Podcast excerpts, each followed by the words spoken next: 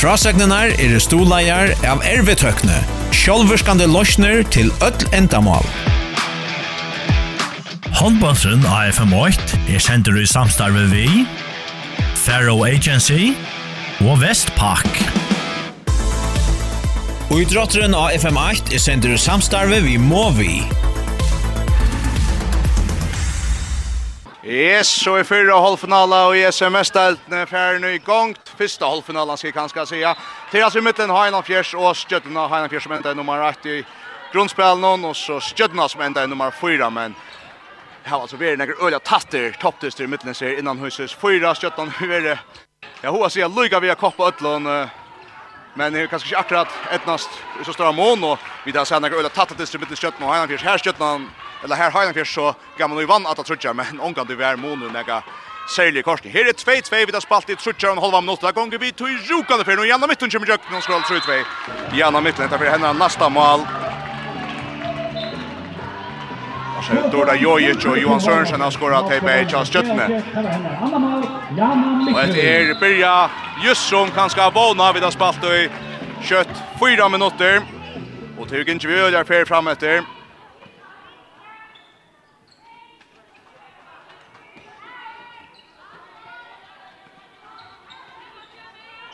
Leipa Skjötner av Jansen Jakobsen og högra vann i gång så Julian Olivka vinner backen skål skott Jan 3-3 Jan 3-3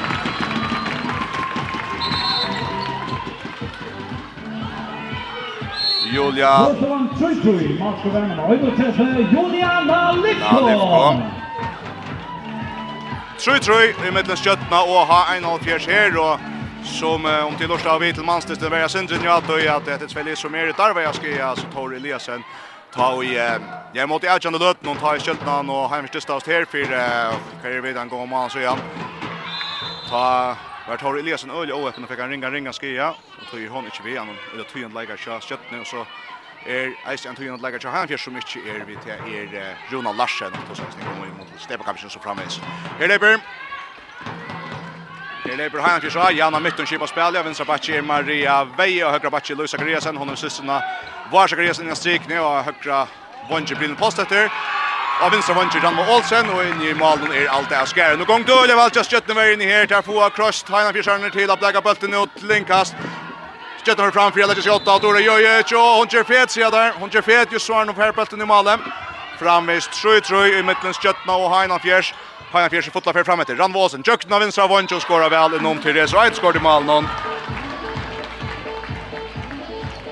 Och de fyra tror vi har något här. Man ska värma några. Kan det vara henne mål? Ranva Olsen. Stöttande mannen så att det är Teresa Maria Eideskort och i mål av vinstra Vonjo är Johan Sørensson, ja. Og av vinstra Batje er Dorta Ljóstein Johansen, og min er Julian Olivko, og høgra bakke er Dorda Kristoffersen Jojic, og høgra vannsje Jansen Jakobsen, innan strikning Malena Massen.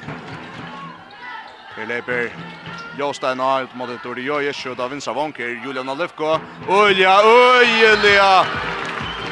Donali har kommit till Amola och ända nästan nya backlinjen där. Ja, börjar faktiskt på vinstra backen, ända nya vinstra bunche. Och vi crushed ut efter och för bulten i mål korsen. Julian har jamar til till 4 4 för sköttarna. Julian har.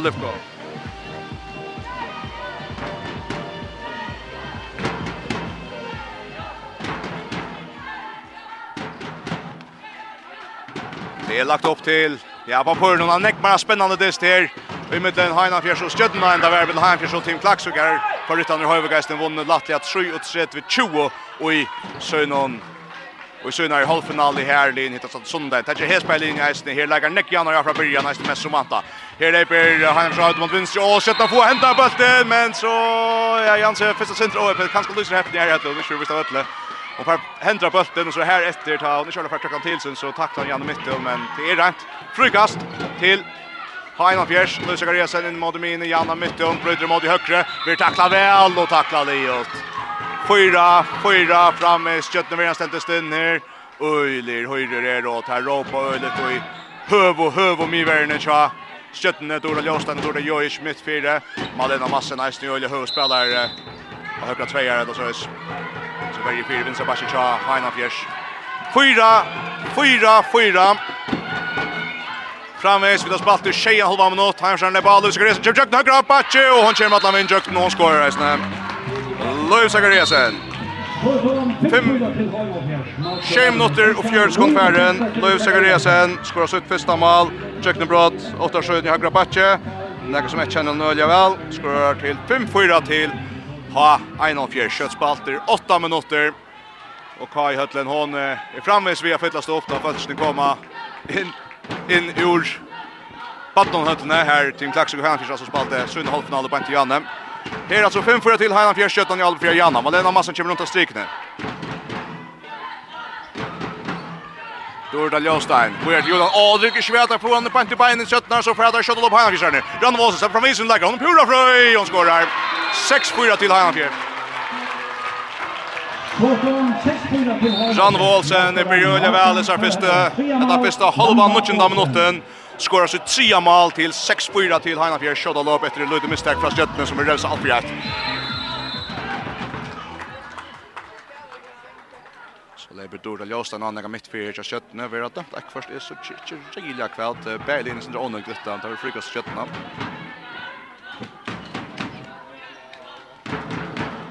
Dora gör ju högra backen för skötten Dora Josta mitt fyra. Malena jag till en runken. Man tänker ju gång till högra. Levde av vänstra backen. menar Julian Olivko. Oh, jag lovade här om att släppa till också till ut jag högra backen. Om man släpper att han vinner i jöknen men här man brukar och fet för att släppa fram i tacklingen så är det frukast till Stjøtna. 6-4 til Heina Fjers. Julian Olivkov i omtranskådion. Ja, og Narskar med hon mikkar om månen til 6-5. Julian Olivkov i sin tria malet. Underskott mitt fyra. Janna mitt uppe i min. Kösti Jökna vinstra på 28 sjön och skorar. 25 till Heina Fjärs vidare bra spalt i halva touch där minut. Gånger fram i sin rokande period. Janna mitt med sin trea mål. Trea mål Janne mitt. Stjärnan Tekel Lucas Mafferna sindra bulten ner.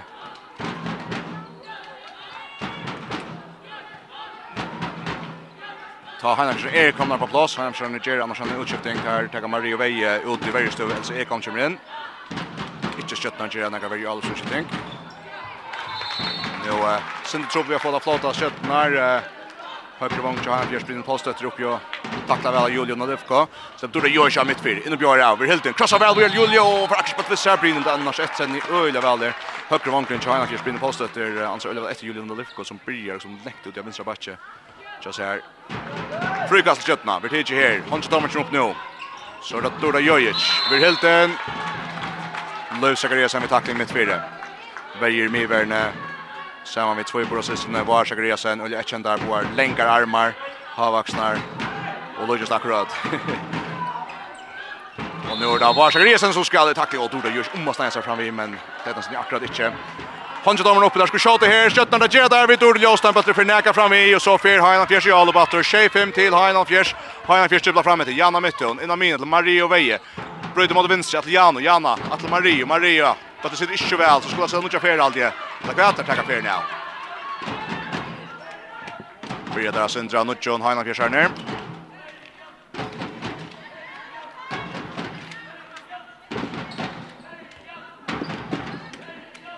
25 til Heinalfjers, vi tar spalt i 11 minutter og en 20 sekund. Ja, vi ser det først og FM-halvfinalene og i SMS-deltene. Nå kommer Radvås, Atle Mølega, oi, hon er heit i det. Hon har skåret fyra mål langt nå, vi tar bare spalt i 11,5 minutter. 8-5 til Heinalfjers, Radvål som er sunnon, fjorda male. Det som jeg aldri nok så avverst er at uh, Terdisten vi har sagt, ja, faktisk nesten alt toppen som vi har sagt fra Kjøttene, så er det som spelar mittlen Teresa Maria Eidsgård, det er øyne gode av og hever um, løft lykka som at uh, Vengene kommer få et avsplass, men det er ikke rettelig det mot der. Randvo Olsen, her er Dorda Jøy for at uh, skåra søyt anna mal i det. Släppt at hoppskott mitt fyra, jag vet inte, tenker alt av Sindra Måli och i Hangersmallen, 8-6 till. Heinan Fjers og Skjøtten om å vinna bøtten her, den får tackla väl av Mario Veje, men uh, bøtten fyrir til hodna kast Ha 1-5. 8-6 till han fjers ut og spalt i 12 minuter.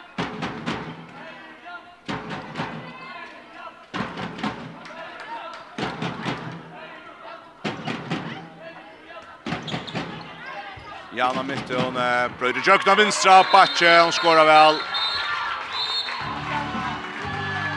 Ja, hon fer kanskje sin mest med snakket om fer på ganske nærke fer korsne men uh, brøter jöknen ver for da løte bette tar han fer at mal og da kostar reisende, dorska skjøttene til da vera utvisning.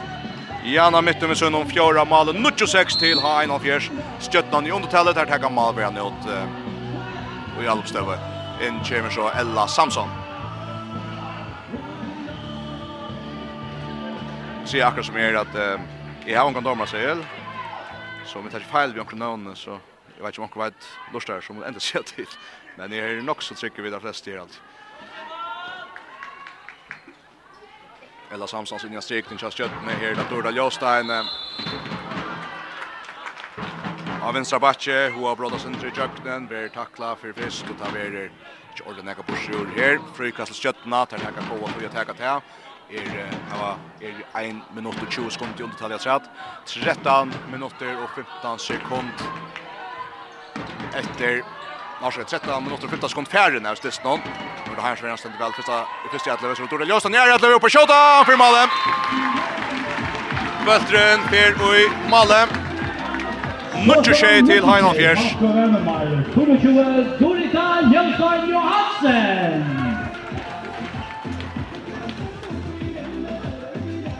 13 minutter og fjørdskon færen. Skjøttene Minka om måne, Minka om måne vidt ord og Ljåstein.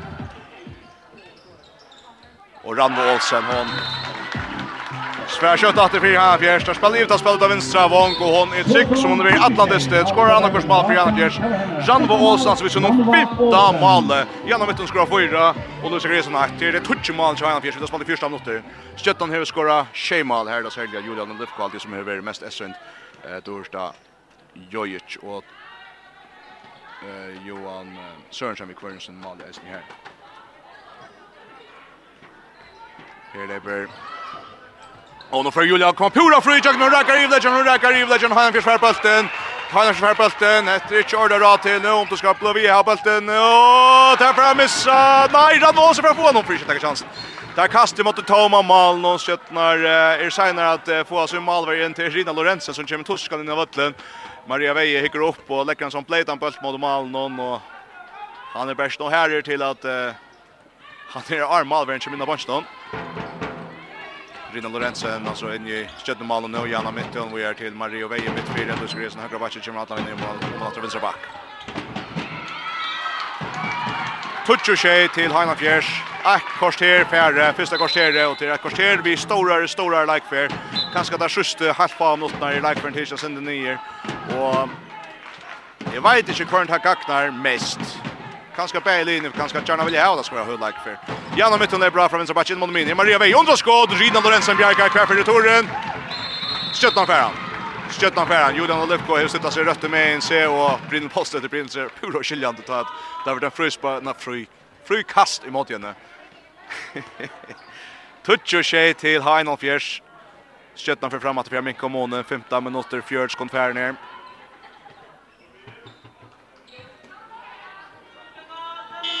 Och så tar Karl Hot time out. Tutsi tjej til Heinan Fjers, tei tutsi mal tja Heinan Fjers, tei Fotlen Solas, Janna Mitten og skora 4, Ranva Olsen 5, Løvse Gresen 8, så 4, Sørte tei tjej tja Skjøttene, her hever Dorda Jojic 2, Johan Sørensen 8, Julian Lefko 3 og Dorda Jostein 8.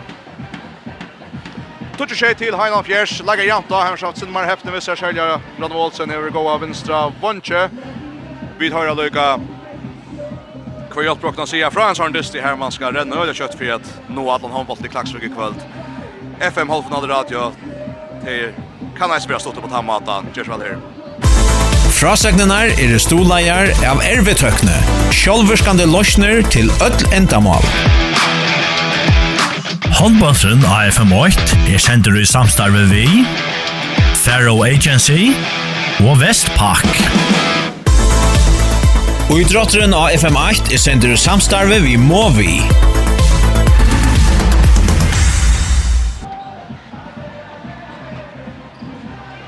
Så er vi datter i Kai-hødlene til FM-halvfinalene. Og vi møter Heinafjers og Skjøttene. Heinafjers er 8-26.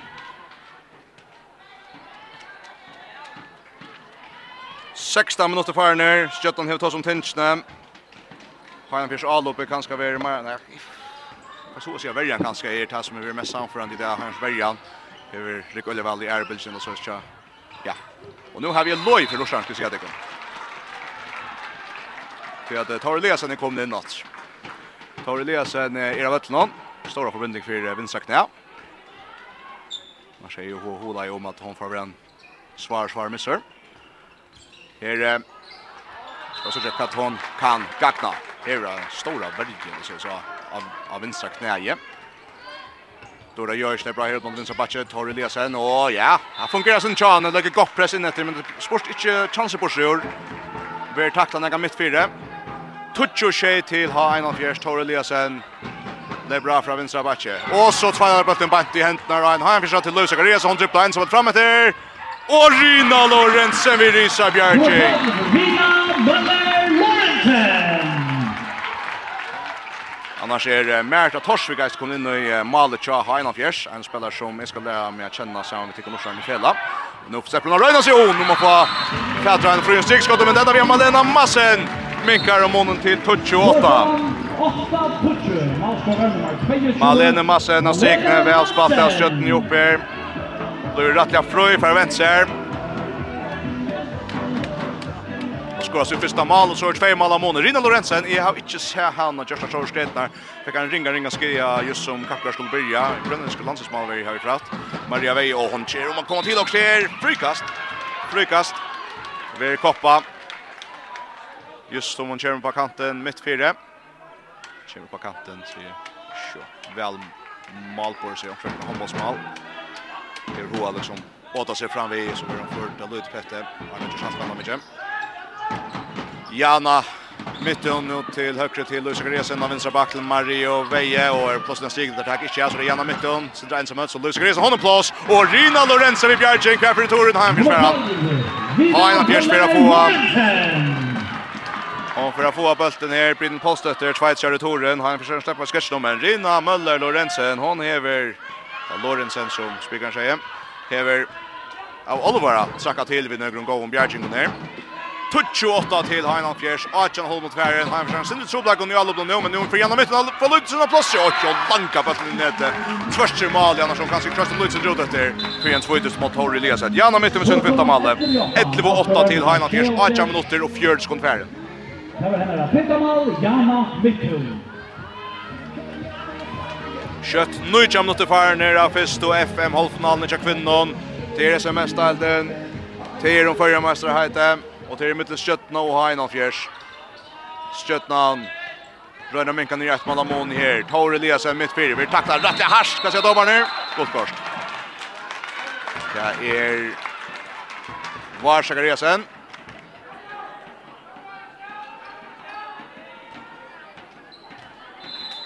som uh, tacklar. 1-8 till Heinolf Fjärs. Stjøttan Jalo på Torre leser vinner strikene. Malena Ferrand fem for henne, og så vil frykast Stjøttana. Bøtter vil leser av Det til Kristian Hamsson som kommer av, så får Malena Fædra av noen. Så han bøtter leser etter til frykast Stjøttana. Det er Julian Olivko, og Røyna slutter seg i Jøkken av taklinger. Hva sier dommer nå? Her skal bare lykke hans etter at han ikke får Ivro Marsker, etter alt innenfor Marsker der. Frykast Stjøttana. 11-8 til Heinald Fjers. Kjøttjung Fjern som spiller med den stigna! Og Tedna spiller inn i massen at skåra. Og da blir en utbussing her at det att til Lucy Garriesen som blir vist av Øtli for det var Halit Sønsen om Malin og massen. Så, rak, så er tvei mal og moniater. Heinald Fjers, Edve, Skjøtna, Nuccio. Vi har spalt i 20 minutter. Go Alveringer høyre til Skjøtna inn til Malin massen som rytter og Miveren til Heinald Fjers. Honker fast i trøtjene. Magna Bjørsson rundt tale. Tvei mal, åtta, 20 minutter færner av første FM halvfinalene. Og vi var inne i at de nekker ferien her i Manstest noen til teier, altså så jeg sa, Malmon her var ikke å si. så en 8-mann sier, akkurat lykka tøttinga Mikkel som en 13-mann sier, og en av fyrst vid 13-mann til månden. Maria Veje, Leibra, nekka mitt fire, vi takla vel at Ordi Jojic. Takla vel av Maria Veje. Etlevå. Nuccio til Heinolf Fjärs. Han försöker spela upp Else Ekholm. Hötter sig så weird. Maria Maria vill möta högt av Dori Jojic. Och tackla Leo. Fröjkast. Fröjkast till Heinolf Fjärs. Etlevå Nuccio. Janna Mytton. Låter mot högre. Else Ekholm. Bröder Tjökten. Rina Lorentzen i Malmö Bjergar. Rina och i skötten i Malmö vid ändan är Bjergjeng. Etlevå Nuccio till Heinolf Fjärs. 21 minutter. Farner, Rina Lorentzen. Kommer rätt om en forskare. Lorentzen så att det allt även med Rina Lorentzen. Vi ända när stora Bjärking. Och jag så har sagt för flera Bjärking till henne. Hästusten har gjort allt det här vill säga. Så det blir det som Maria Edskort som är pura, pura fast i första målvärgen alltid. Så ser så är det Skia, Rina, Grönlands landsmålvärgen. Nu kører Stjøtneverjan og otroliga väl att det går tacklingar mitt fyra. Han varvar det bulten, men nu får han inte domarna komma upp för Lödvig också. Stefan just nu. Så det är Maria. Stefan visar en förstackling. Gått så nära och så släpper han alla vägen. Och det går väldigt stort från Sköttene, men det är helt inte han från skåra korsen. 12-0 till Heinan Fjärs, Maria Veje. Står inte att han vill jökten. Vi får en utvisning till Heinan Fjärs. Else Ekholm, han var klättor. Just som tar om att jag spolmannar här så är Else Ekholm höll ju fast. Eller, halvt det där sig att ha. Hon är tidigt och fick färdigt krian om Julian och Lefko. Så stöttar framme i skivtalet. 8 mot 8 fyrre efter ikke förra hålla til höll Fjers. Hanna han Stöttar framme seg går støv för att uh, Jan att snudda där. Tora Eliasen. Hei, ikke gå om att han skulle spela det. Skiva spille. Ut mot vänster. Julian Levko Høtta Sinter. Så ut av högra vanker. plass, Jansi mål. Två mål av Monia där stöttar ner minkan i 12 touch. 8 mot 3 för hålla Så står han 12 putje, Malsberg nummer 2, Jansi Jakobsen. 12 putje til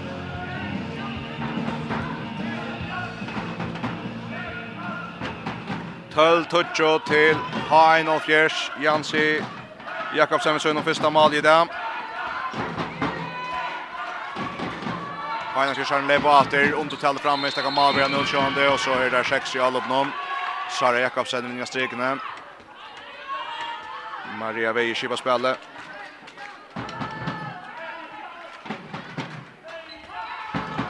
Leva drar, oj. Janna mytte, hon er bra imot Julio og Dor, sitter frakker helt igjen. Det er størst som nummer at det är blir dødt nega mer enn han frykast. Frykast Sätter fjers, på der. Att det Honda är domar någon och att Dorda vi går tackling på till Leser. Han är för frikast.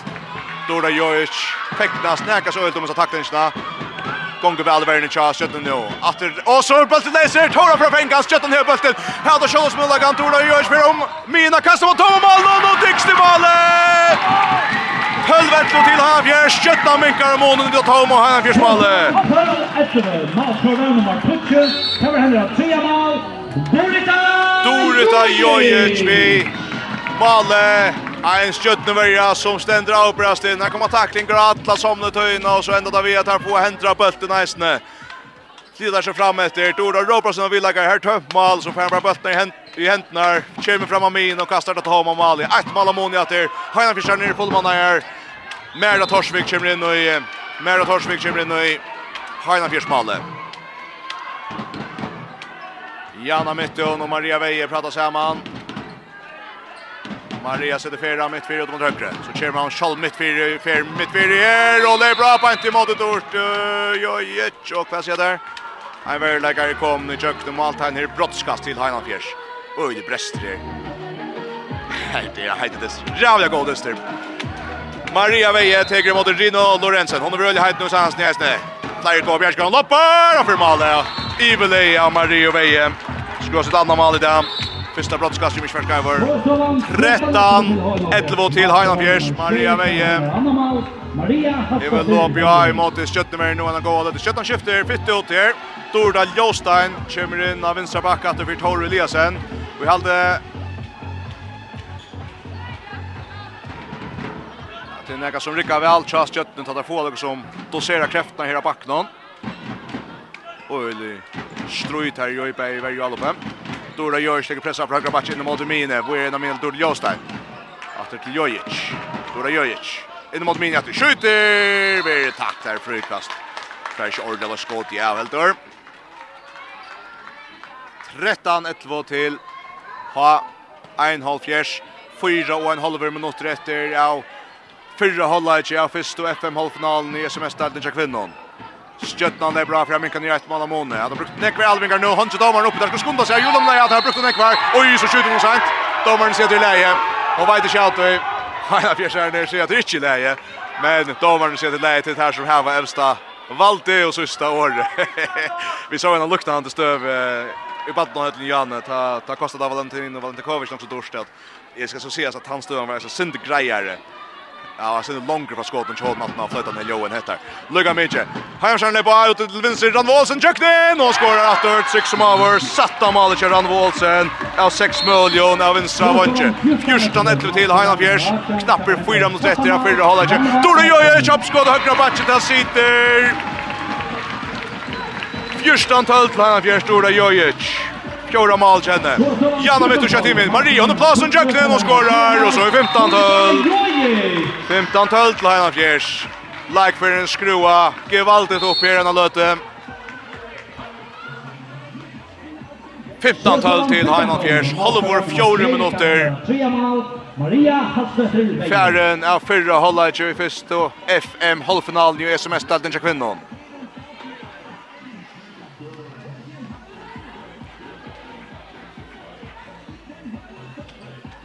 knapper goer trutchen mot etter av fyrra hållage. Dora gjør seg bra over Ansa Sinde. Kvar det ordas snakka fyrre her Julia skal sända själv og over over Orek väl sin skott. og skjuter läkt om han fyrre til varsak Resen som finns norska skotthånden av kjöne. Fröjkastelskjötterna. Dora gjør seg høyre backe, driver inn i måte, så innan min her. Julian Nalevko! til Stutschen! Merita og i Pajna Fjersmann og Pera Petti av bøtt nå, men han fyrir korsene. 15-13 til Hagen Fjers, Kjøtna min karamone. For Else Eka med tjøkken, hon skås i første mål i dag. Såstånd 16-13, 16-13, Line på uta, Malen i Mittlensøen just nu. Og til gaktligere for Udelige til Hagen Fjers er 8, 16-13. Og spørs meg hvor, så vet inte det. Där fick jag där fick jag jeg på att flyga i mål. Tills annars lägga öle jämnt där här. Kanske skjuta loss spel så att jag hinner fjärse över jag synte kvassar. Det är ettans bedre. Her, Dora Ljostein oppe henka og fram i. Detta så det kanskje är et problem til till skötten. Där skjuter Oisson skott fram i nå. Så fräda fram efter Karolja Fer här han fjärsar ner Janna Mytton. Dribblar in mot så Maria Veje mitt fyra. Inne Björn Avater och man släpper till och går fröjkast, fröjkast, fröjkast. gå tackling gammal Leno massen att vända. 16-13 till Hanna Fjärs, gång vid Öljar Fjär och Brendo som skål som skjøtt han Jerny och så kan det gänga Öljar skjøtt hemvinn. istället för att Herminka ner 2 så kunde det komma upp på minus 4. Heinan Fjärs, 8-16-13, goa möjliga nu att Ötsby blir 4 mål av Måne. vi kändes det som kännest som en 4-målsmåns dyster. Her lever Janna mitten av, her slipper ikke tjøkkena första sinne. Går Kårbølten er Mojer til høyre bakle Elso, som Maria mitt för för hana fyrir. Det är bra, och Fitta Sinter kommer til nye knøyene for en kott. Han ser vi takla skarft mot domaren så ja, det er lukket tjekker domaren og Maria. Eh, domaren er ikke visst komma. Og vi vet ikke om til hetta er om til også Anna, som kjer til at Heimersvenner er nødt her, sier at her skal vi ha, her vil jeg ha Eit bra i leisjonen. Leik bra timeout. Tidje, Heina Fjers. Ska prata om tidje i en minutt. Og så gjør han det hevd en minutt til at trette det så etter av fyrra. Holda ikke 16-17 til ha Heina Fjers. Vi tar lukka hver hjelpbrokkna sida fra Slygon. Ølja hotekandi og Fermikl Deston. Frasegnenar er stoleier av ervetøkne, Sjolverskande løsner til öll endamal. Håndbåndsen AFM8 er sender i samstarve vi, Faro Agency og Vestpak. Og i drotteren av FM8 er sender i samstarve vi Movi.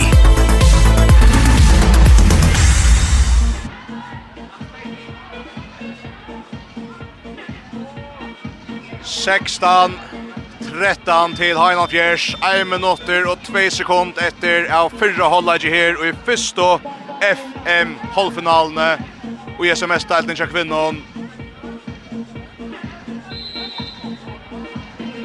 FM enda spølene byrja og vi er noen helter og jaun dyster og i mannsdeltene Arren hetta til som jaun dyster men Heinrich kan ikke så fyra mal åtta nu og igjen jaun og stundar til Hollax Hodge domar kom opp LC Ekan færa Luisa Plosser for brottskast. Kjemre Jøkken Ottarsjøen i høyre batje Her vil Las Firi her etter og til er og sent. Brottskast. Stjøttene Venjaren er ikke nøkter vi at det skal ha brottskast. Er du ikke at sia kvør. Hever att, Maria Veje teker brottskast. Therese Eidsgård kommer att til. Og Maria skårer Latlia. Trygt, skal jeg ganske heldig si. Seijan, 13 til Heina Fjers. Og så er den hakste måneden i dag, største måneden i dag. Verda ikke til fyra mal. Seijan, 13 til Heina Fjers.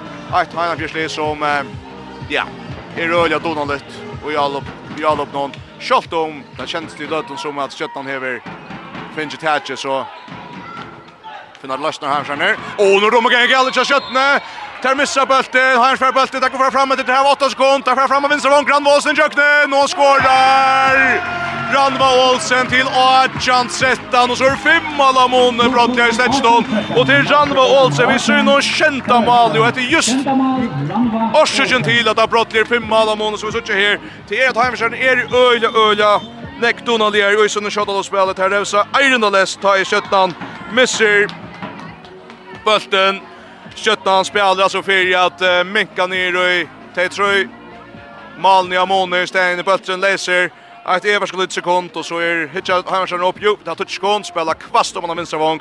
Janvo Olsen i halt vi en rymma rymmartist. Skorar så skönta mål. Ajan 13 till ha en halv fjärs. Oj, Fisto FM halvfinalen i SMS-dan Jack Finnon. Det är alltså så är Salin hittas åter sunnundagen klockan 2. Och Sauna Malmon her här och Siam till den första vinna två dyster som kommer i FM finalerna och akkurat nu ser det ut att det blir gott kväll för Höverskingar och i Klaxvik till att männer så har vi kört kanske till som var mest som vanta här tar vonno störst seger 3-20 och i början allt Tim Klaxvik här med Vi var kanske vant att lägga jaunar ja, det känns att lägga jaunar ja, men har jag sjön tidigare stölja, öliga valtona är och öliga kvikar och rätt och slatt ärenda läsare att få möjligheten och Ranvolsen, ja. Tjej mal av tjej möjligen på 30, 30 minuter. Flera dem shot all upp till det här månen är. Han är Fem mal, 18-13 till ha en halvfjärs. Vi vill att vi sätter hålla om ena lödet. Tack för fyrst så er vi da til i høtlene til først og FM halvfinalene og i først og FM halvfinalene og i SMS-deltene tja kvinnon til i midten skjøttene og ha en halv fjers det som kjentest landje av era jauner men fyrir halvleger han vilta så jeg sier at støvan etter først og 13 åttene Vi er altså 18-13 til ha 1-4. Vi får så tjane og kvarja løte om skjøttene for at mekna at venta gongtene. Her var vi vi tar vi von Jeg så ikke Seline, vi har spela, vi har Janna Distur i høyre, vi kjøttene han borga fire. Gjønnom Distur nu mot Gjøtlund. Kappgarnet noen til førre med seg, jeg vil si. Og i det har han fjerde skjøpna, sørja vi sin kjøttalåpen, og sørja vi Ranko Olsen av vinstra vondje, og så skåra tjej mal av tjej rundt hon, der første 30 minutter her i 18-13 tid. Han Fjers målskyttene er det såleis at fire skjøttene Eh, jag tror att Kristoffersen Jojic skåra fyra mal, Johan Sørensen har skora ett. Julian Alifko er kommet på fyra for å levera. Dordan Jostein 8, Malena Massen 2, Jansi Jakobsen 8. Så, fire, Heinan Fjers, hever Janna Mytton 5 mal, Løse Gresen 8, Maria Halstøtter Veie 4 mal, Elsa Ekholm 8, og altså Ranva Olsen 6 mal. Annars er jeg si at uh, avverst er at uh, Tore Eliasson har vært natt her, uh, det sies at her også med, jeg kan ikke kjøre spørsmål om alle i Klaksvøk, men uh, tar han dyster, han satt dyster med heslinjen i grunnspillen her uh, fikk Tore nekka som tøkt som har vært en øl, øl, ja, farlig skreie. Ja. Men hon har vettet natter, Här gammel man gjennom stora, stora värje för öron øren Och här her kanske inte ikke vara så essens som hon åkken du gjør, men känner den rätt så är det en som brottliga kommer til hon här. Och vad säger jeg, på ditten alla Atlantisten. Og det er Aken kan dyse all uppspel selv, Och det det uppgående. Och 18-13 till Ha En halv fjerde Heimers fra Bria Bøtlen her i settene. Holda. Det er altså fyrsta FM halvfinalen i midten linje. Ja, og Trimo Møljon tar snurrsum av vinna tvartister. Malmon hever ikke å sija. Fyrst av vinna tvartister er i FM-finalen. Linjen hittast attor sunnundagen klokkan 2 og skulle ta etnast uh, til tapan linje der av vinnat tantisten altså så det står Jonas så vil den tredje styrt har vi så mye kvöld en med minnesrätt. Och 13 till Hammers Hammers börjar vi bulten någon. Alda Skär börjar i mål av vänstra vånche. Dagsens toppskytte Ranva Olsen. Av vänstra backe Jana Mittun. Av Mine Marie Halsteder Veje. Av högra backe Lusika Resen. Og högra vånche Gori av Borgen. Jag strykne var vänstradder Sika Resen. Så i varje stövnen kommer Else Ekholm in för Jano Mittun. Och då så gör vi nu till att här skär den bläcka bulten bortstrusen första allopp här i sätten. Hålla just jötnan av bulten. Der hava Therese Eidskort og i mal, Therese Maria Eidskort i mal av vinstra vondje er det Ottver Josefsen, av vinstra batje Tora Eliasen, av mine Juliana Lifko, og høyra batje Dorta Jojic, og høyra vondje Katrin Berselsen, jeg stryk til Malena Massen, hun skal få bulten nå, men det gjør hun ikke, Heinan Fjerskjerne fengt innspill, jeg stryk til fra Skjøtten. så kunne Hansen fra fram at skåra fyrsta malet og i setna Holla ikke, det gjør det ikke først. i atløp, det er en god takling til Katrin Berselsen, for takla Aranvo Olsen, Ta i bulten enda nya vinstra vunji tja ha ein av fjers. Ha ein av fjers i Alup Jatter og Adjan 13 til ha ein av fjers. Vi da spalt i halvan annan minutt. Jeg har sett den holdet ikke av så først FM halvfinalen i Mittelheimfjers Kjøttna. Janna Mitten som det er bra för Heinan Fjers nega mitt fyra då det görs för tacklarna Frukas Heinan Fjers. Elsa Ekam högra back Elsa Ekam börjar i allop någon tja ha en av fjärs. Så Luis Agariasen för ut i alloppstövet. Men nu är det sista var Agariasen som skär bulten. Krökt han till så nej nu är jag snilt. Alvering från Jano Mittun så är fram i og en likare och var Agariasen för krökt bulten till så och så skorar hon till Nujan 13. Och pantar efter så Leibes Jötman av. Og tar vi Luis Agariasen, två i bra systern som ska ha varit i två minuter. Hon tacklar Ekvist, ja, ja, Mein da vera at Hore Elias av vänstra backen Kjøttene. Så er ikke støvende helt greit. Men eh var Sagresson som er sin första mål. Skötten i uttale, tala bruk for henne, och tar rumma med Sabatlen. det kommer Öla i uttale støv ut i vinstre, men Böttren er färd och i Heinrichsvärna og enda vi har Afrikas kjøttene. Tor Elias mitt fyrir, Björn över helt oppi i fisk. Rönn och färra för Nast og Lars skott i av just han vill tackla. Domaren brukslar för det frökaste. Bulten stöcker i mål i korsen men här är frökast köttna. Nu kan sätta till han fjärde köttan i all och bäst. Köttna spelar ut och spelar Julian Lefko. Gott plats som fittas i jöknen och skorar. Man finner sig jökna av vänstra patchen. Nu nu kan fjärde till han fjärde Julian Lefko. med Carmona som femta målet. Julian Lefko. Trutcher minutter farner av Satna Hollage.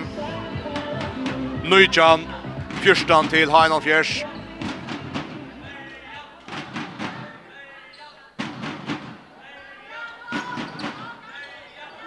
Og Heinan Fjers. Leibra. Benjamin Marie Hansen i vei, Bjørn Vel Jan og Mytten. Rønna snäser seg fram igjen, Leila Degger, Richard Tor Eliasen, og Odver Josefsen i fela som får takla Jan og Mytten. Heinan Fjers uppfrygast att det är framme i åtta vid fem mal, och Tertias Fullman är om en halva minut. Her er det går trutje det fire nere noe 17 ikke her i FM halvfinalen i midten. Marstan skjøtt. oi, nå fer skjøtt. nå får bøtt i kvett, og Josef ser för Tuskan i helt rundt fänkar men de får inte mål. Håsta var tømt mal der framme. De kan skjuta seg her, för og kasta mot Tom mål och ta kastar nå Garden och här för få bulten. Nu ska det ikke Omeg for å fortelle kring kvett hem tre. det enda vi har skjøtt fra frukast. frukost. Hajan fisk missar bulten.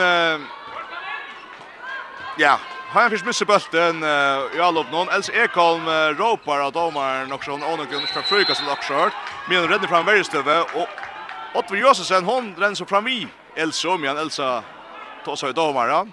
Och här känns så bulten och så färdar på här tvaitan efter bulten.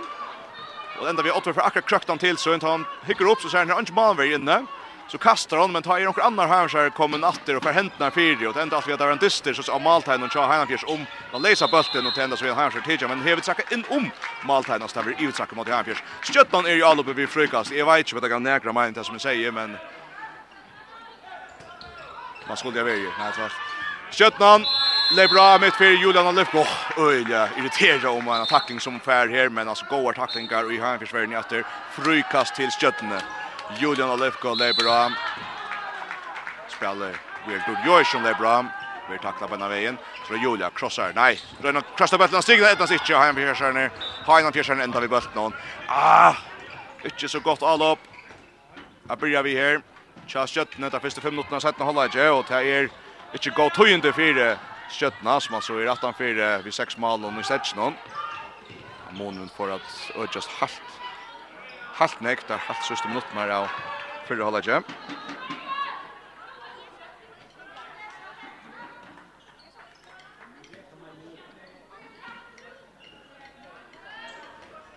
Her leper Heiner til Sjak.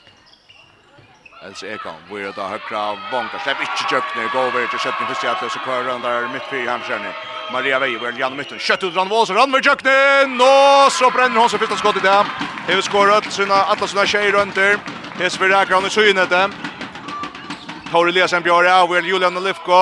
Røyna steppar fram i her, så vil hon her i Atlevo, og vil takla Liot. Bant Arnon løser skott i at det fer i malet i rundt og vero, men domaren sier hon har brukt fyra feta på det i malet. Frykast kjøttene.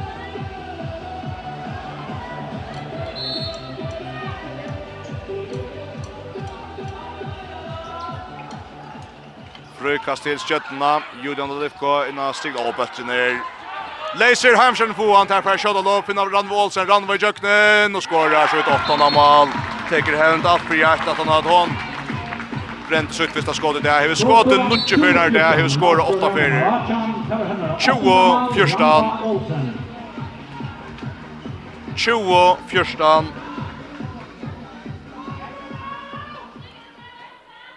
Till Heinolf Fjärs. Måneren Fernø, just atter.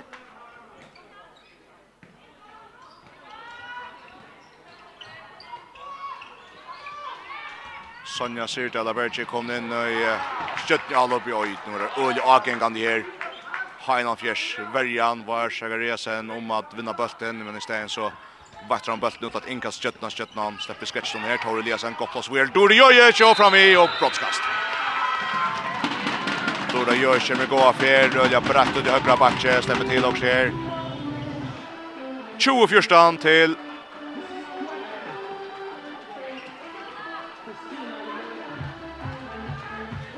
Tjo och fjörstan till Köttna. Dora Jöje köttra center. Så centret, oi, så centret alltid ska jag vägen. Men så bor börjar nog Lange alltid å få det seg atter, og Dora, jeg vet inte, körs Örstkjum när jag stöven. Hon ändå vill köta lengt om han för Jeg vet ikke om det er Per Ishtan efter Dävren. Så handboll til Klagsvøk. Det er ganske her det største vannar året. Men eh ett du ikke rad til om du ska komma in i en FM halvfinale som här til langt i början missa nok så näck av att det i desten. Ska två i desten med den likar när så framme så måste ju bränna brottska så säger det på hända matan. Hanna Fjärs i alla bjatter, Maria Veje, Will och mittun, Jana bröjder ut mot i högre, helt om man högre av vångt, så blir inte jöknen, så blir han då mitt fyra, Maria Veje på era sänder, så Jana kommer att mitt fyra, tack iver. Lever nå her, nekker vinstre inn i ver mina, så vart Lels Ekholm helt ut av Gravon nej Nei, der slipper ikke går Gorja på Kvetsch Fæderbølten, og hun er så utrolig heppen. Kvetsch er noe Fæderbølten, men i stedet så, så får han lukka som sliebølten inn og en, en skjøttenleikere, og så får han til hotnakast til Heina Fjers. Hånden opp tja, han domaren, der brukte en tvers og Alvingar. Maria skjuter, blokker fire, Teresa, og i skjøttenemalen enda vi bølten, og var det en blokker, halvfakst, bølten tog i andet, ja, Doril Jostein syns han har fått den här men ta att han gånger väl och så sätter hon sig ner på bunchen och sen ger så tydligt fäktar som att hon fick stäcka så bulten. 20 fjärstan till har en av fjärs vidare spalt i kött 90 minuter. Ja, sättna håller jag väl av märke här i Fyrst FM halvfinalen i mitten linje bäg. Bäg, han är förstås och i SMS-starten tjekk kvinnon.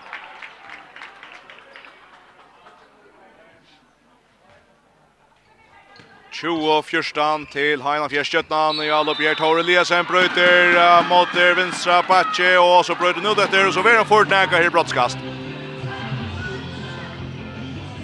Brottskast til då Tore görs for å täcka Atter. Ja, så dette vil du ikke ha sitt at jag ser misstaget som hände på Janne. Atter mot Alda Skärre. Hötter Luxen Fiss, då er så sett han nede. Fekta Fäktas då höjligt. det så där vraj ju jag säger. Vi er så fakta i någon tjärne. 20-15, fem mål av månader till Dorda Jöjc går alltså ut eh, 15 målvärda till. Kari Hott, Stjötne vänjer i åt och Dujja sina likar här i värjene. Värjene var några lödre fyra hållet här. Han orkar fick eh, Tatja, Heinan Fjörsal upp någon. Så blir det att Här som fingar Sinter och Nick lött mål kanske skjuta loppen så ja. Nu spelar där ute högra ankom. Fitz att väl skjuter med igen. Nu rundar vänstra backa han kör ner. Maria Vej ut till Ranvåsa vänstra vanche och så Bjärgar Teresa ett skott i mål. Teresa ett skott vi Rimmar Bjerging. Och Ranva Olsen är bliven människa efter här i sätta hålla i chatten om pura och möjligt har vi att göra köttet. men nej så fär och möjligt kan åter skjutna räka i det järn Randvålsen är främst hon för att få en fria möjligt skjuta lopp någon Sonja Syrdal Abergi just skjutna skjuter i det järn på stöcker till Hampshire Randvålsen är kvik fram ensam att skjutna i halvan fär. Anuja möjligt och så skorar han till 1 och 20 och 15 Hetta er altså mal nummer 9 til Randvålsen. Boa för nummer Brent så här hon hänt så vi skjuter då bänt här rätt. 1 och 20 och 15 till Hein Fjärs. Tora Eliasen är bra för skötna väl då gör ju in i mina och en strikna Sonjer där och är det mål och där kastar nu ut sig guys ner framjord. Spalt en av strikna från Tor Jojo i av verer. Fort just i stövnet han spelar den till Fröjo Sonjo som är runnen av vakten innan strikna. Berge! Og Sonja Syrdala Berge skorar sitt första mål i dag.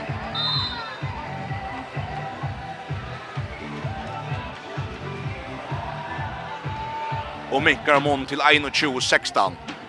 Heina Fjers og i undertallet. I tvær minutter.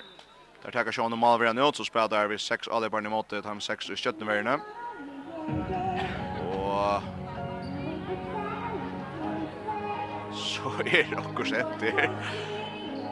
Jeg tror det er Maria Veie finnes det kanskje rusk smokt igjen der i Harsbygsen av Maria skal ha hånden jo. Det er altså Kari Hott, det som tenkte så gjør seg at han omvendt ta det av. Alltid han kjenner alltså at nå skulle det inn at det som skjøttene han og vil se ha mer ner ned ut. 21-16 til ha 1-4, 1-4 i undertallet og i halvan annan minutt eller så att Leba drar här vid sex läkaren kan över inne. Janna Mytton För han plats högre med en så Röjne Maria sen det vinst med en dribblar ut av vinstra back. Skiva där sen den nutchen ner här sen Maria som har lutsarna kant Janna in i huset, Israels Ekholm för Schall och ett gott mål från Elso Ekholm. Väl skora från Elso Ekholm. Fittar, Bergesbjörn här affär om man ansätter Vansson och så Ferron och Jökten tar plats som kommer här efter efter sex mål av Moni. Jag tror att han virsli och Jöla står inte hemmahalde och en han fisk berga sälja som Jerzy Ölen och Omega halta sköttne borste från Storum Målagon. Och att han skall upp som Eisen finner nekva löste. Oj, nu hette nekka som sköttan skal ha meira. Dorda Jojic, en klassisk bakskåd av högra backe.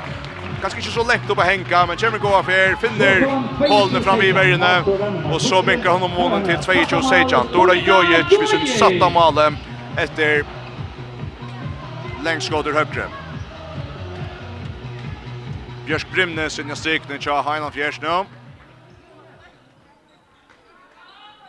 Maria Veje Höttra sendri in i måte just henne, så Fernando Olsen har hjulpet till den från ny utgång så spelar han länka på om han har högra vångs inte våra för men där var det bollen kors med Kajan fjärsar ner och så får det få nytt all upp till nu för att på gott kors.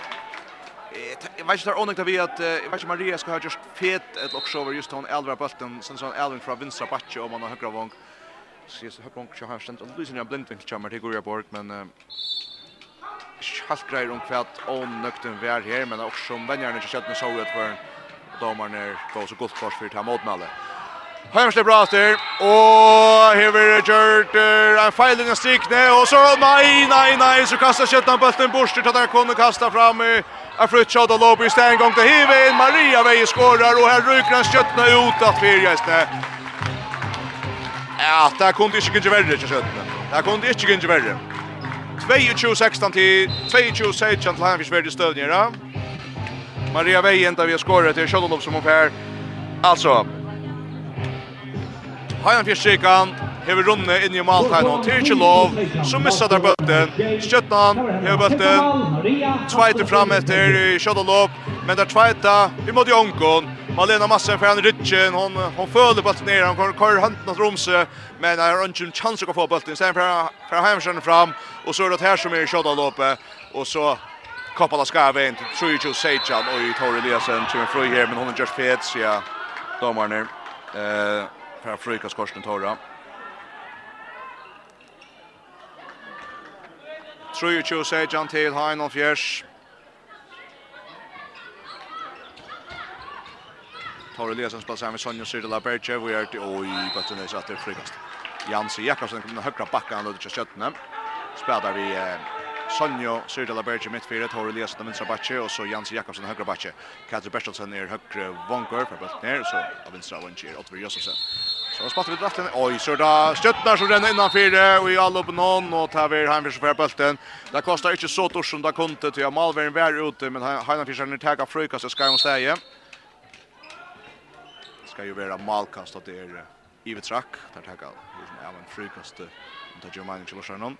23 sejan til Heinan Fjers her er 6 mal av Moni, og det er tis ikke man vera der enn til kjøttning, det er gjerne satt, og nek mistykt at det få mødagene kom inn til listen, Heinan Fjers her nere hava skapt seg en gå av Mon, Hivin sitter ikke ved kjenslen at Kjøttan ikke vil dikna kom at gjennom listen, alls ikke. Nå er det her som spela, han fikk samt alt inn til Lille Fjers Grimnes, men Kjøttan verja nøljast inn her, for stekka frøykast til Heinan Fjers. Kjøttan vil fullmanna om en 6-6 sekund. Nu er det Hanna Fischerne, Maria Veje och till högre till Janus som har haft om høyre. han Gorja Borg i jökten och skorar väl. Gorja Borg skårer vel, og så er det etter Shemal Amone 24 sejan til ha en avfjärs. Går står han 24 sejan. Marskovan nummer 95 Gorja Borg. Ja, man vet största månen vi har haft i det här. Också det här. Gorja Borg på första målet. Fyra tjo sejan till Heinan Fjärs, Tor Eliasen, Udde mot högre, Norta Jojic, innan strikna Malena Massen, Skårar. gott strik om allt från Stjötne, Malena Massen gör skera fröj, in i strikna. Fyra tjo ajan, sex mål av ammonia till Heimskjärn, halta öd, tempo fram efter, sen försökte vinst för fisk, och gärna mitten bryter, matet Norta Jojic, vi tacklar väl. Brukast till Heinan Fjärs, god tackling, Stjötne, här. Tria mål. mal, Jamaleno i stödnir. Vi har var 13 minutter och 30 sekunder efter av 13 minutter och 30 sekunder efter av Destnon Heina Fjärs Öle går stöve Grätt 8 24 Achan och nu kommer det jökna till högra Vonche Gorja Borg med sin kända loppe. Ja, spela gå on pressa. Fra venstre og man i høyre kommer jökna högra Vonche loppa bollen normalt 25 Achan efter, Heina Fjärs 8 vi Shay Malon Och så vinner där bulten och nu kom där nästa stötcha med oss här. Maria Veja ensam framme och skorar. 26 Ajan till Heinal Fjärs. 13 minuter efter. Ett av värsta även till Klaxschinkon. Det var inte handbollstävlen till Klaxschinkon och är sån annars övel i handbollstenon. Bäge män och kvinnor i halvfinalen. Vann av våra större kvinnor. Men nu är det sindra upplösningar i Sköttenlövnen. 26 Arjan till Heinolf Jers Maria Veje vi on vi Shotta Lobby. Det är ganska värda stor mån det att han försöker stoppa när Arena Shotta Lobby. Det är skötta inte i samma mån. Men då gör ju Jonny Rösk nu rullar och högra backen där den sen väl och jag bräckte ut över krösten där väl och skorar så kända mål till 26 Arjan. 26 Arjan till Heinolf Jers. Heinolf Jers. Framme i fotland hemma det Kai Hott Her han er etter kvittan hon, for jeg venter styrst noen, han får genga vi grøna korsen hon, tekt ikke en. Her er en tvei grøn kors etter all det. Pura kvirra i høtlene. 12 minutter etter til nu det skal være til 17, det skal være til verjestøv her for fyrst. Heinan Fjersang er på Vinstra backen Maria Veje för gå plats innan Björn Ja, god tackling nej så Stein så Jöken Korsny och så skjuter hon fram i Very Crust no mitch längt ut efter till att skott inte ver no frutcha när alla jackar han vill och förbereder fram i så ska skjuta min kommun här Tor Eliasson av vinstra backen och så blir jöggen och broadcast och utvisning Ja. Tor Eliasson snäser jöggen och ver fort så domar. Och jag kan bara se alltså ut från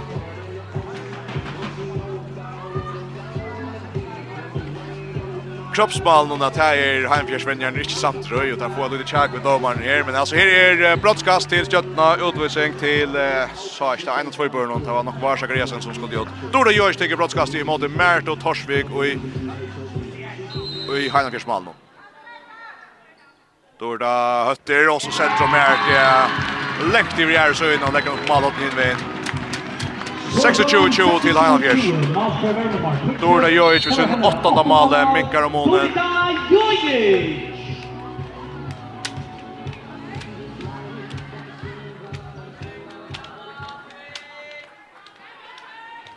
Seks og tjoe, tjoe til ha ein halv fjers. Her er jeg regner nøytjan minutter etter at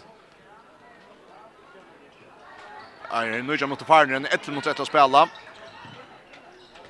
Og i första FM halvfinalen til kvinnen till alltså han som er greit om han har skjøttet nå hever över at Minka ner seks mål men der skulle Minka näka så vel, väl Marmon där sista notnar Og nå er det stedet han vel til Fona Bjergjeng, Else Ekholm kommer høyre backe vi cross näka men domaren ser inte och så stäng kunde han skjøttet fjärde skjutit några hiva igen mot Rotby Josefsen hun er fri men Merita og i han fjärde mål de Bjärkar Där börjar vi när Bjärching från Rino Lorentzen och i skjutna mål någon och där skända fram till Frujo Otver Josefsen som er ensam at vi mer til Torsvik og i Heinan Fjersmalen og med mer til Bjerka og vi er mest som rakt i heisen.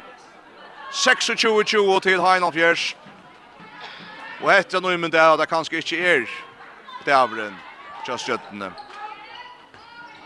Janna mytte en undraskott. Hon er langat upp i nätet. 22-20 till Havgers. Och Dronche ser till att slyckas över. til hekka, Sindra ballonen. Tja, skjøttene, Ja, det kommer rulle rast fram etter, Nu kommer Pura fri her, Skårar vi Nordi Jojic. Ja. Det er henne som ska komma fram till sig som. Nutschenda Malic här. Bajda Tlavera. Bortom 22-20. Matsurar nummer 20. Tar henne Nutschenda Malic. Dorita Jojic. Tjeje 21 til Heinan Fjers, farge 0 mot etter. Ja, først og FM halvfinalene, og til her. Til Heinan Fjers som rett statt. At Heinan Fjers som rett og statt hever til kvassar, altså.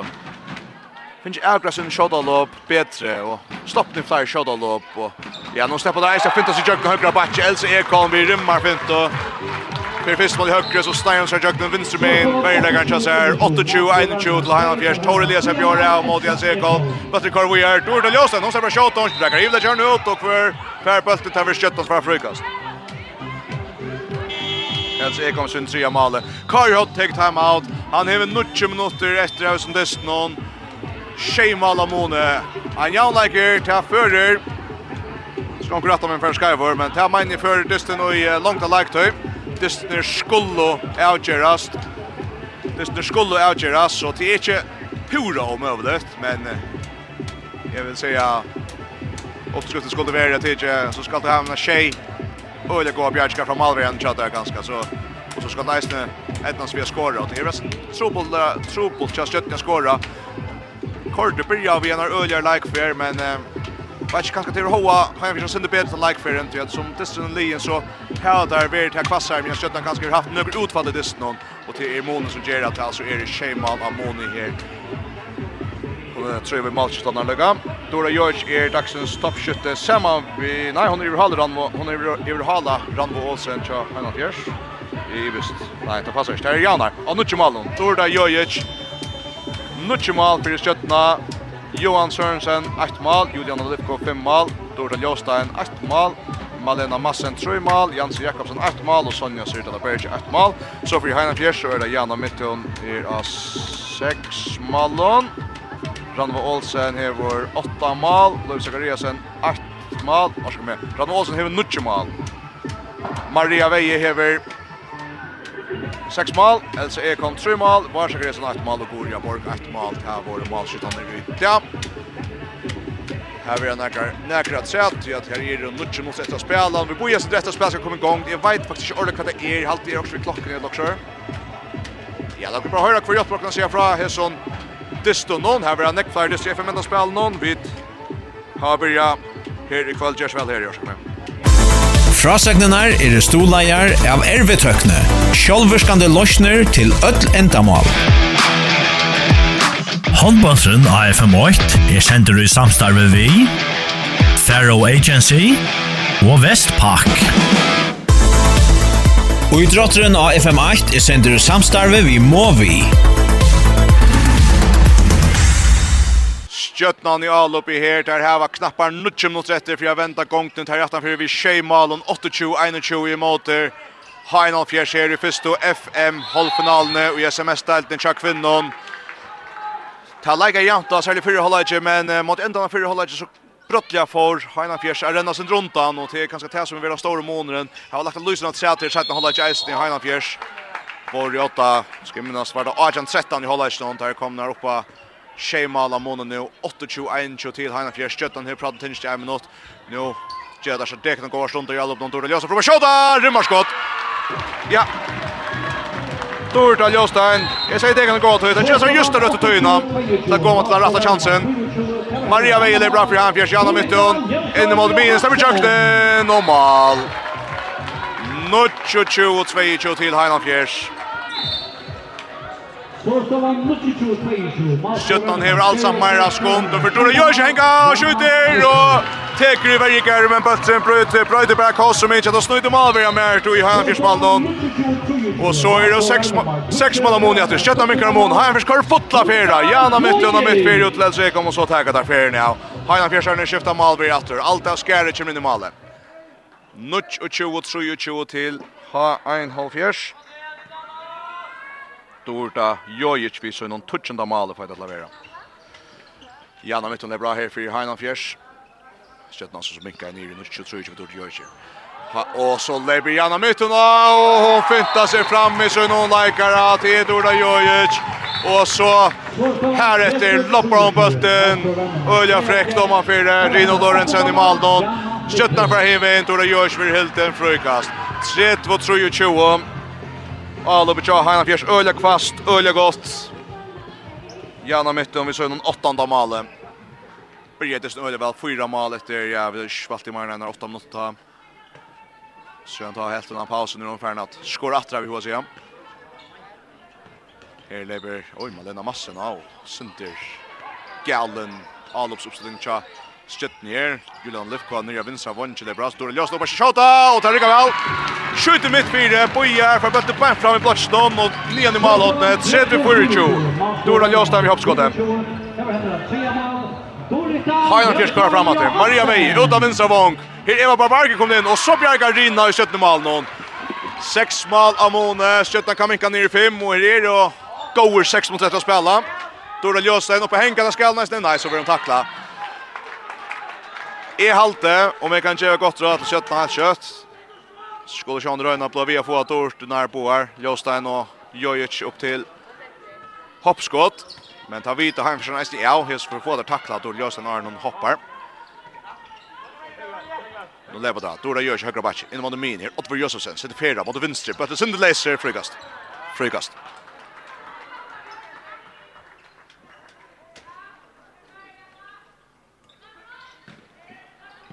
32, 24 til Heinald Fjers.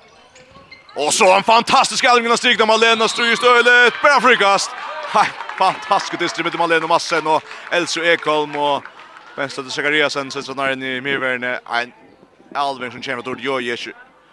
In här åtta plus är Malena för akkurat vänster här är de kvikar i Hanfjärs.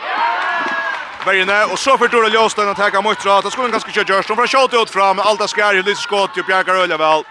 30 for 20 til Heinan Fjær, 6 mål av Moni, og etter måtte være, ja, den senaste, den senaste vånen som kvar ikke skjøtt nere og sier, 6 mål av Moni, nu har vi fargen 5 mot etter, 30 for 20 til Heinan Fjær, så Heinan Fjær skal nødja etter. Jana mitt under bra, lengt ut av høyre, Vonk, att högra back släppa det sjökten som Maria Veide bra från vänstra backe in till Janne mitt mitt fyra langa till gott mål. 1-3 för 20 till Heinan Fjärs. Hanna Bjørsson røyla grammar i vägen här om å få hendra bulten efter missa bøtten nå til innkast Dora Jøy svär alltid vi ser søgn hon ettlunda male Framjor hoppskåla högra batche men det är bara pint igen. 1 och 3 2 5 och 20 till Heinolf Fjärs. 1 och 3 2 5 och 20 till Heinolf Fjärs. Fyra minuter efter att spela. Och Heinan Fischer får att skifta sin ut. Mer Morsen kommer in första sinne. Och i det en lägger som där kanske framvis lite efter just hur det här skulle spela henne har lagt innan Lie.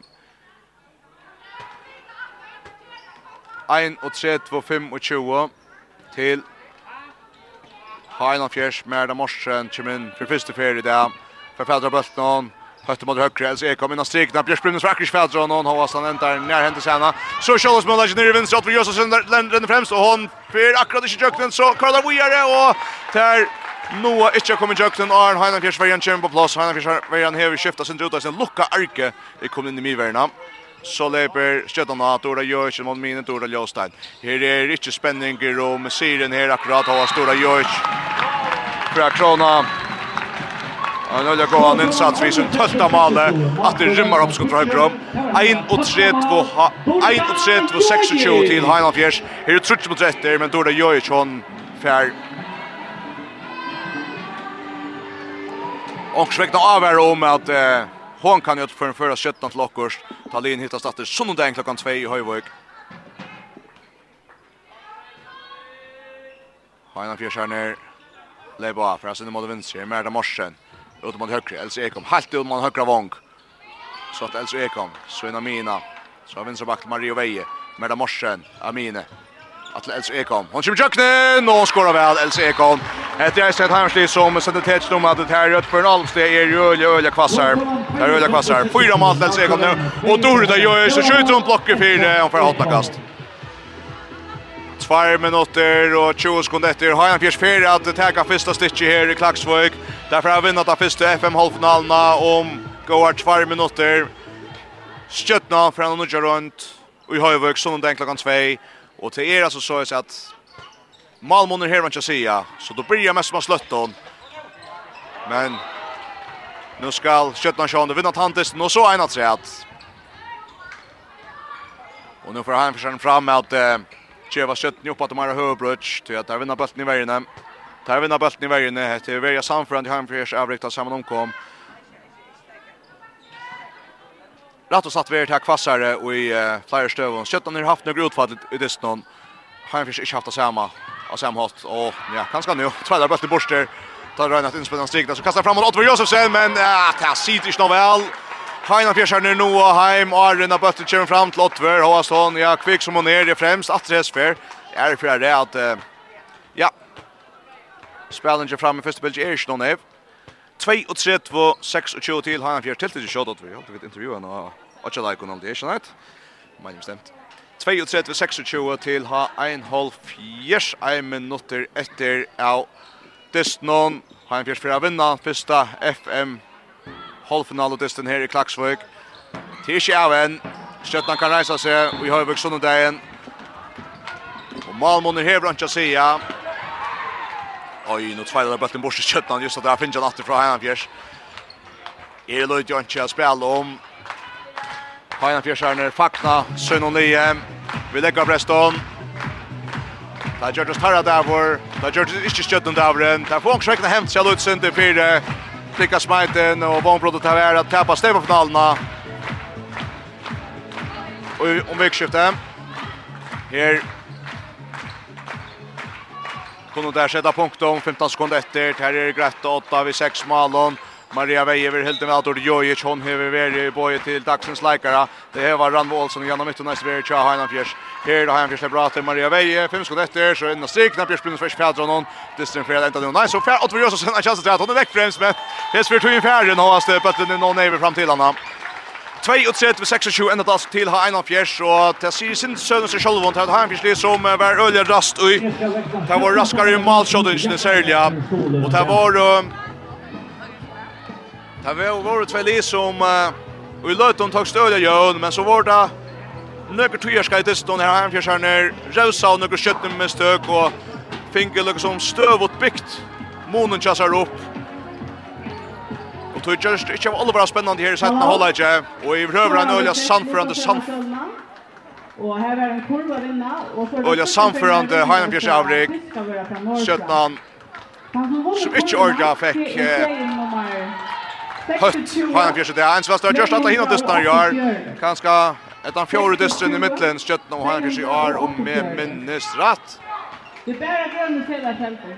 På det er en grønne säger.